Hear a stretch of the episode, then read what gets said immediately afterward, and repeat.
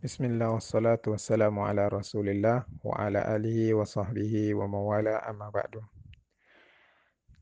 Kaum muslimin dan muslimat, rahimani wa rahimakumullah.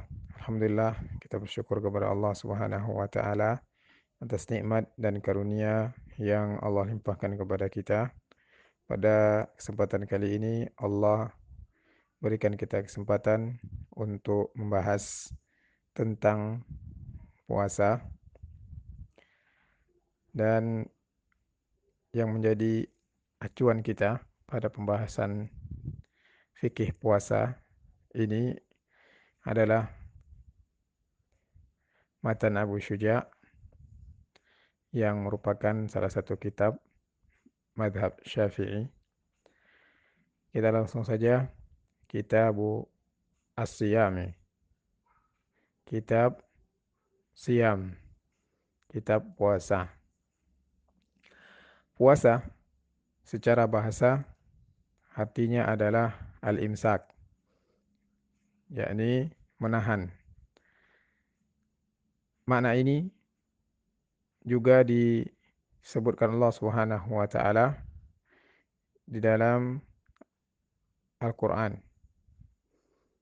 Allah Subhanahu wa taala berfirman di dalam surat Maryam Faquli inni nadartu lirrahmani sauma.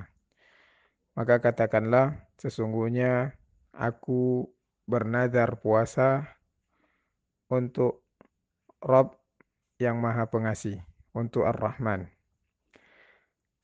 Kata sauma, inni nadartu lirrahmani sauma, ay imsakan anil kalam. Menahan diri dari berbicara. Adapun secara istilah adalah al-imsaku 'anil akli wasyurbi wal jima'i wasairil muftirati min tulu'il fajri ila wurubis syamsi. Secara istilah, makna puasa adalah menahan diri dari makan, minum, berjima atau hubungan biologis serta hal-hal yang membatalkan puasa dimulai dari terbitnya fajar sampai tenggelamnya matahari.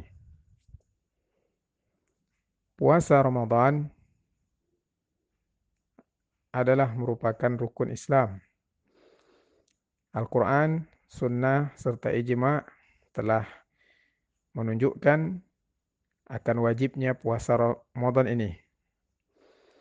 Di dalam Al-Quran, Allah Subhanahu wa Ta'ala berfirman, يا أيها الذين آمنوا كتب عليكم الصيام كما كتب على الذين من قبلكم لعلكم تتقون Surat Al-Baqarah ayat 183.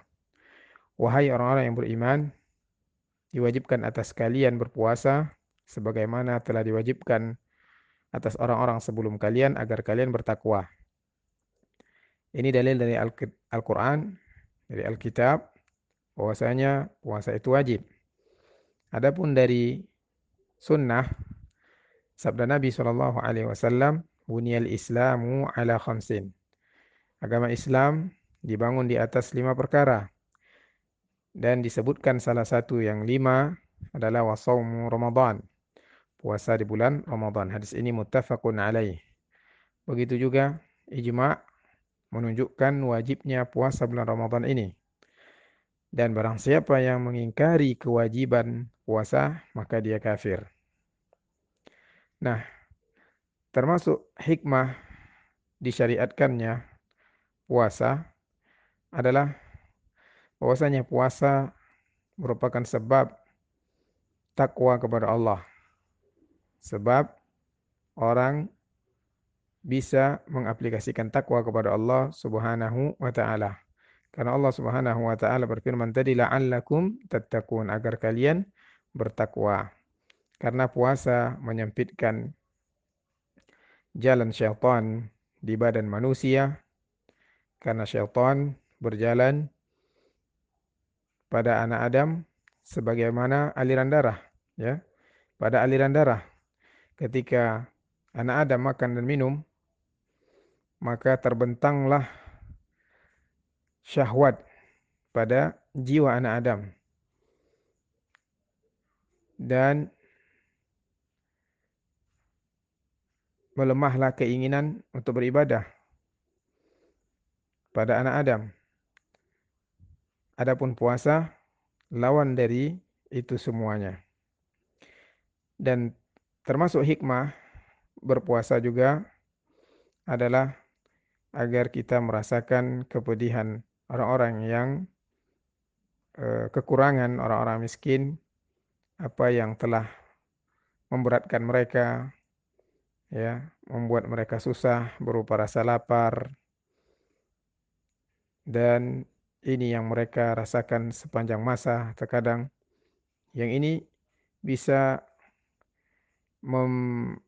menyebabkan ya agar orang-orang yang berkelapangan ya uh, bisa merasakan apa yang mereka apa yang mereka rasakan yakni orang-orang yang susah orang-orang miskin kemudian kita lanjutkan perkataan penulis qala al-musannifu rahimahullah wa syara'itu wujubi shaumi arba'atu asya dan syarat wajib puasa ada empat. Al-Islamu wal bulughu wal aqlu wal.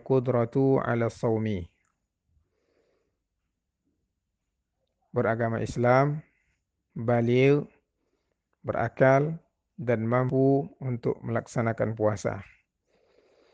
Nah, jadi syarat yang disebutkan penulis ada empat.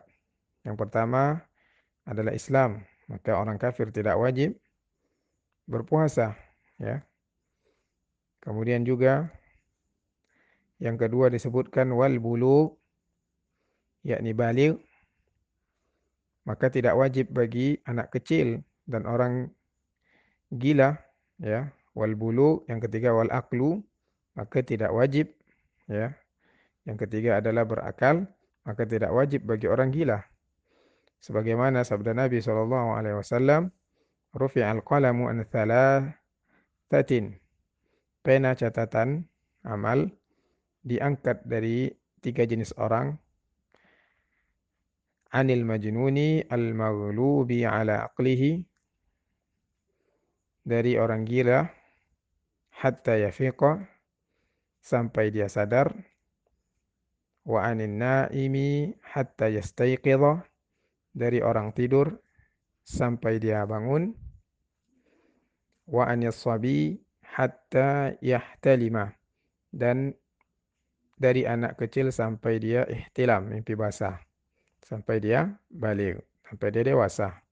Rawahu Abu Dawud wa sahahu Al-Albani. Hadis ini diriwayatkan Abu Dawud dan Al-Albani mensahihkan hadis ini. Itu syarat yang kedua dan ketiga, al-bulugh wal aqlu. Kemudian yang keempat, ar-rabi' yakni al-qudratu 'ala shaumi, mampu berpuasa. Ya, maka tidak wajib bagi orang yang sudah tua yang tidak mampu untuk berpuasa berpuasa di bulan Ramadan.